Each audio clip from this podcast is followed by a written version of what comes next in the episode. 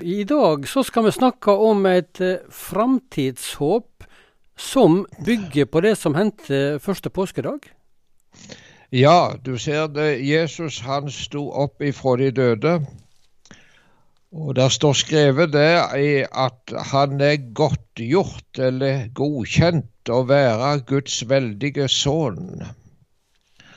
Og det som bl.a. føler med at Jesus har seira, det er at han har gjort døden til inkjes.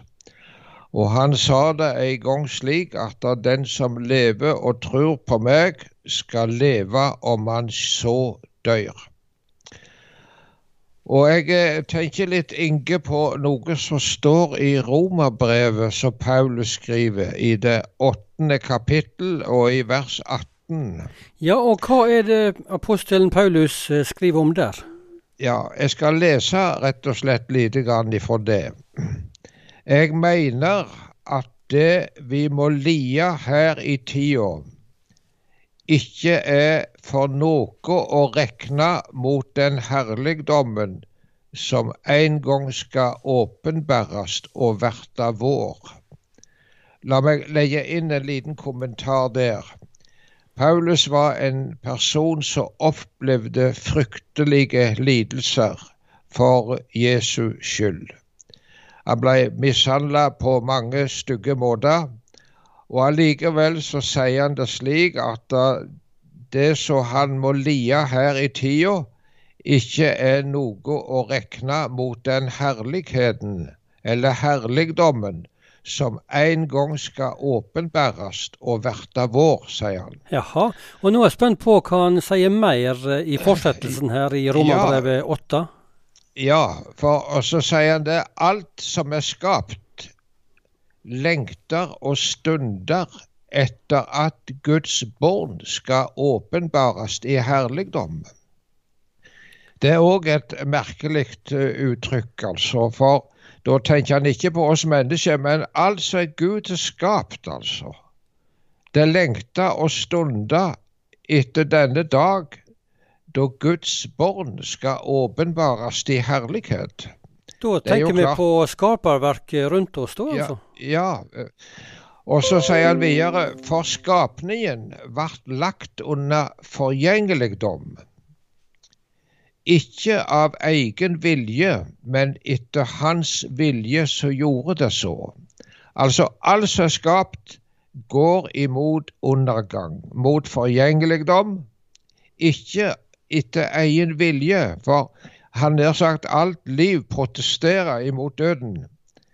Men det var Gud som la det alt under forgjengelighet. Alt som er skapt. Likevel var det von, står det, eller likevel var det håp. For det skapte skal verta frigjort fra trelldommen under det forgjengelige, og få den frihet som Guds barn skal eie i herligdommen. Det der tykker jeg er noen merkelige, svære ord. Ja, det er det. Du må nesten greie litt ut. Hva ligger det i dette her, Odd? Ja, det går et sukk gjennom hele skaperverket. Og en lengt, ser det ut som. Og jeg skal bruke et lite, kanskje banalt bilde på det. Jeg husker når jeg vokste opp hjemme på gården Dubland på Varhaug. Det var en liten gard. Og der hadde vi ei hoppe, ei merr, som het Ruskna. Jaha. Hun, eh, ble, hun satte forresten norgesrekord i avl, for hun hadde 20 føl. Ett føl hvert år i 20 år. Du, var dette, og, en, var dette en hest dere ble glad i? Ja, hun var, var, jo et sentrum hadde nær sagt, i all transport i, ja. i Dublin. altså ja, ja. Ruskene, det var, det, var, det var, mer og vår, det. altså. Ikke sant. Og som en eh, datidens traktor, kan du si. ja da, ja da. Men så, da hun hadde fått det 20. følet sitt, så kom hun ikke hjem fra marsja. Og vi skulle se etter, da lå hun død. Hun hadde fått blodpropp, sa dyrlegen. Og det var nå bare en hest, da. ei mer.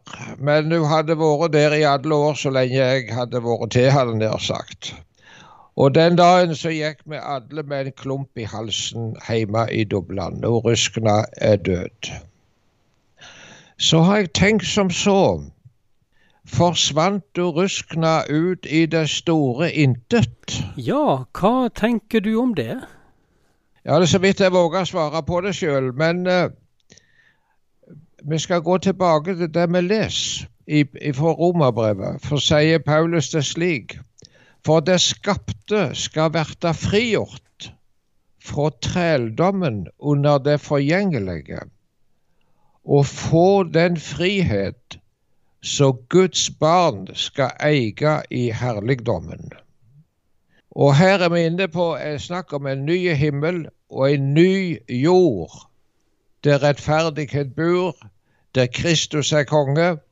Og det ser ut som at uh, hele skaperverket skal gjenfødes, rett og slett. Og uh, nå var det uh, i, i, i aposteltida, så etterpå Jesu himmelfart, og da apostlene virka, så steg det fram en, en vranglære som gjorde sin innflytelse i en del kristne forsamlinger. Det var gnostisismen. Og gnostisismen den, den så på alt det skapte som noe ureint. Selve kroppen og legemet, det menneskelige legemet, det var også noe ureint og stygt, altså. Så en kunne bare pine. Mens alt det åndelige, det ble regna som ekte saker. Og dette gikk apostlene kraftig imot. For du ser ingen plass i Bibelen at den taler negativt om, det, om legemet vårt. Tvert imot så sier apostelen det at legemet er et tempel for Den hellige ånd. Og jeg husker når I min ungdom så var det en sang som de sang i et kor, eller et kor, en musikklagssang. Og der sto det slik Når sjelen blir løst fra sitt fengsel, da lengter min sjel aldri mer. Vel, jeg tror ikke en tenkte så mye over den sang, men det var ikke bibelsk, det der. For det er ikke snakk om i Bibelen at sjela skal løses ifra legemet men om legemets forløsning. Og det er en veldig viktig sak. Ja, og hva, hva ligger det i det? Vil det si at uh... Ja, Da tales det i Bibelen oppstandelse fra de døde, og alt skal bli nytt. Som Jesus sto opp igjen, så skal også Guds folk reise stort sin grav. Og da vil vi ha og, vår eh, lekamlige kropp som vi har her på jord, også ja, himmelen? Hvordan det ser ut, det er iallfall fullkomne. Det, det fullkomne kommer da, altså. Ikke, det er ikke skavanker og slikt mer da. Tror du at uh, hesten fra Dubland i din barndom òg er i himmelen? Ja, da våger jeg ikke svare akkurat på det, hvilken måte det skjer på, altså. Men jeg tror det er en gjenfødelse av hele naturen Eh, som skal skje ved Jesu Kristi komme. Det kommer en ny himmel og en ny jord. Det gamle er borte, står det skrevet. Sjå, alt er blitt nytt. Hvordan får vi tak i dette framtidshåpet vi har snakka om i dag? Ja. ja, men først la meg sitere det andre verset i denne sangen. Og salighetens tonevel skal bruse som et hav, som sus av skogen sommerkveld når himmelen er som rav, og gjenfødt all naturen er, og ingen skygge faller mer, og alt av skjønt mitt øye så ny glans og glød vil få. Og døden er tilintetgjort. Døden har ikke mer makt over noen ting mer. Forgjengeligheten er ødelagt, og Jesus Kristus er seira til evig tid. La meg, meg, si en ting til der. Det var eh, noen venner som sa det snakket sammen om det kristne håpet.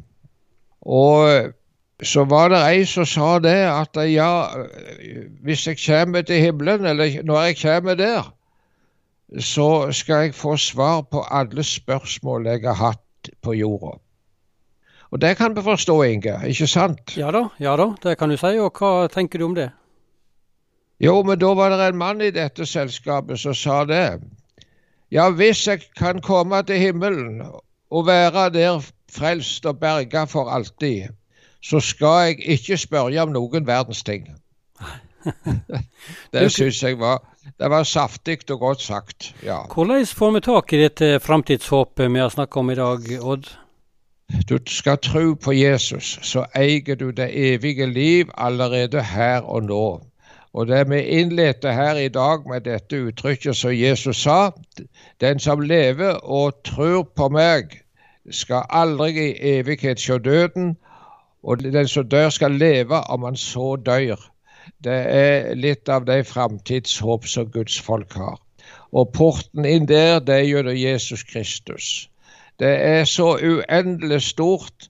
Og så La meg sitere til slutt også det første jeg leser fra Romerbrevet eh, 8,18.